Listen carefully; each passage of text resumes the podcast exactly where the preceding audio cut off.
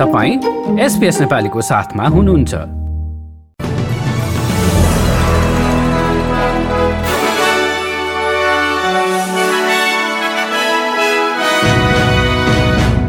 नमस्कार एसपिएसको मङ्गलबार तिस अगस्तको समाचारमा हार्दिक स्वागत छ। म कृष्ण पोखरेल सुरुमा आजका मुख्य समाचार। चालिस वर्ष पुरानो एक हत्या मुद्दाको सुनवाई लिनेट डसनको हत्यामा उनको पतिको संलग्नता रहेको अदालतको ठहर। महिला र पुरुष बीचको तलब अन्तर कम गर्न सङ्घीय सरकारमाथि दबाव र सरकार र रेल सेवा कर्मचारीको विवादका कारण बुधबार न्यू साउथ वेल्सको रेल सेवा गम्भीर रूपमा प्रभावित हुन सक्ने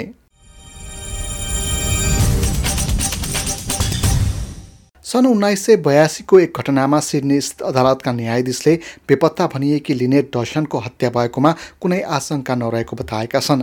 न्यायाधीश इयान ह्यारिसनले पूर्व शिक्षक एवं रग्बी लिग खेलाडी क्रिस डसनमाथिको आफ्नो पत्नी जिनेट डसनको हत्या आरोपको मुद्दामा निर्णय सुनाउँदै उनी आफै घर छाडेर नगएको कुरामा आफू विश्वस्त रहेको बताए। न्यायाधीश ह्यारिसनले इयानले आफ्नी पत्नी हराएपछि प्राप्त गरेको फोन कलका विषयमा पनि झुट बोलेको बताएका छन्।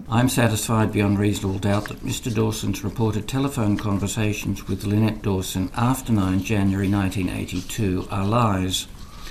I do not accept that Lynette Dawson, a woman allegedly determined to abandon her home and family and to disappear from sight, and all that she had, would at one and the same time continue to remain in contact with the very person who was,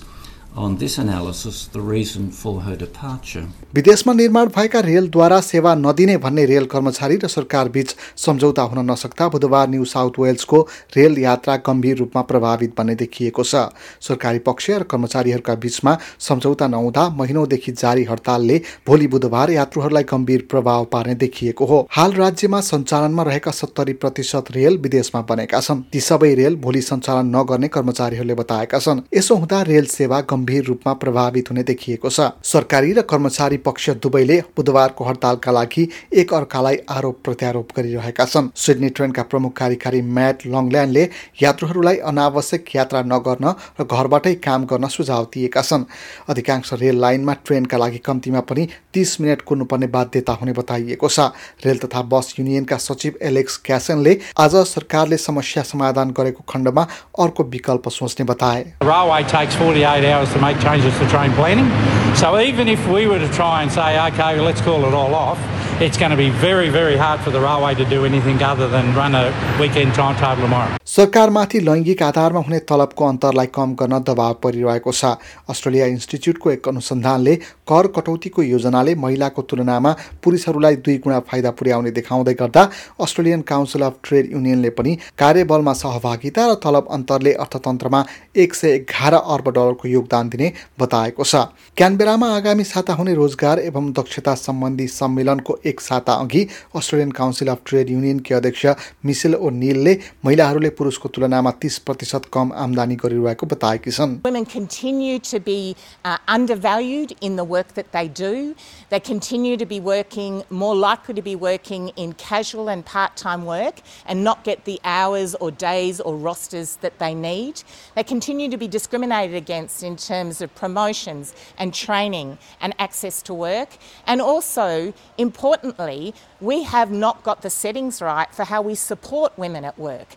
संसदमा आलोचनाका बीच सरकारले उच्च आमदानी भएकाहरूलाई कर छुट दिने योजनालाई निरन्तरता दिने बताएको छ सुरुमा लेबरले विरोध गरेको उक्त नीतिमा दस वर्षमा सरकारलाई दुई सय त्रिचालिस अर्बको आर्थिक भार हुने बताइएको छ धेरै सांसदहरूले यसलाई हटाउन आग्रह गरे तापनि प्रधानमन्त्रीले भने यसको पक्षमा उभिने बताएका छन् यद्यपि विपक्षी नेता पिटर डटनले भने परिवर्तन गर्दा जनतासँग गरेको बाछा तोडिने बताए The Prime Minister promised the Australian public before the election that he wouldn't trash the stage three tax cuts, which would see 95% of Australians paying 30 cents in the dollar or less.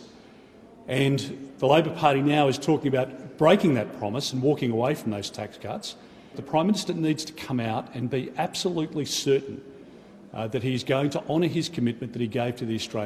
भिक्टोरियामा चरमपन्थी सम्बन्धी एक अनुसन्धान रिपोर्टले हिंसात्मक समूहका सदस्यहरूलाई जाँच र परीक्षणका लागि बन्दुक सम्बन्धी ऐनमा सुधार गर्नका लागि सिफारिस गरेको छ भिक्टोरियाली समितिले प्रतिवेदन बुझाउँदै भविष्यमा राष्ट्रिय स्तरमै छानबिन र अनुसन्धान गर्दा यसको बृहत्तर जोखिमका बारेमा बुझ्न सजिलो हुने पनि सुझाव दिएको छ उक्त प्रतिवेदनले अध्यागमन विरोधी विचारहरू मूलधार बन्ने जोखिम रहेको सङ्केत गर्दै यसले अतिवादीको बयानबाजीलाई वैधानिक प्राथमिकता दिन सक्नेतर्फ पनि औल्याएको छ। अब खेल समाचार टेनिसमा सेरेना विलियम्स युएस ओपनको दोस्रो राउन्डमा प्रवेश गर्न सफल भएकी छिन्। हालै मात्र आफूले खेलबाट सन्यास लिन सक्ने सङ्केत गरेकी चालिस वर्षीय खेलाडीले मोन्टे निग्रिन डाङ्का कोपिनिकलाई पराजित गर्न सङ्घर्ष गर्नु पर्यो यता अस्ट्रेलियाली खेलाडी एलेक्स टिमिनारले भने सिधा सेटमा युक्रेनी खेलाडी डारिया स्नुगरलाई हराए। उनले दुई घन्टाभन्दा कम समयमा सात पाँच छ दुई र छ तिनको सेटमा जित हासिल गरेका थिए।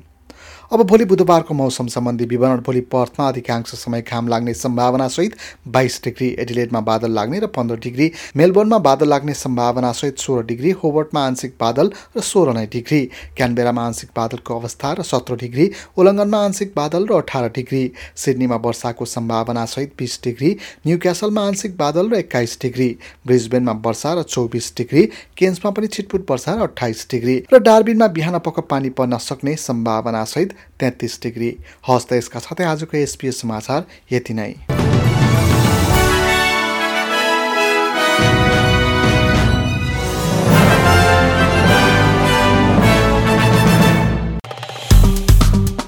लाइक सेयर र कमेन्ट गर्नुहोस्। एसपिएस नेपालीलाई फेसबुकमा साथ दिनुहोस्।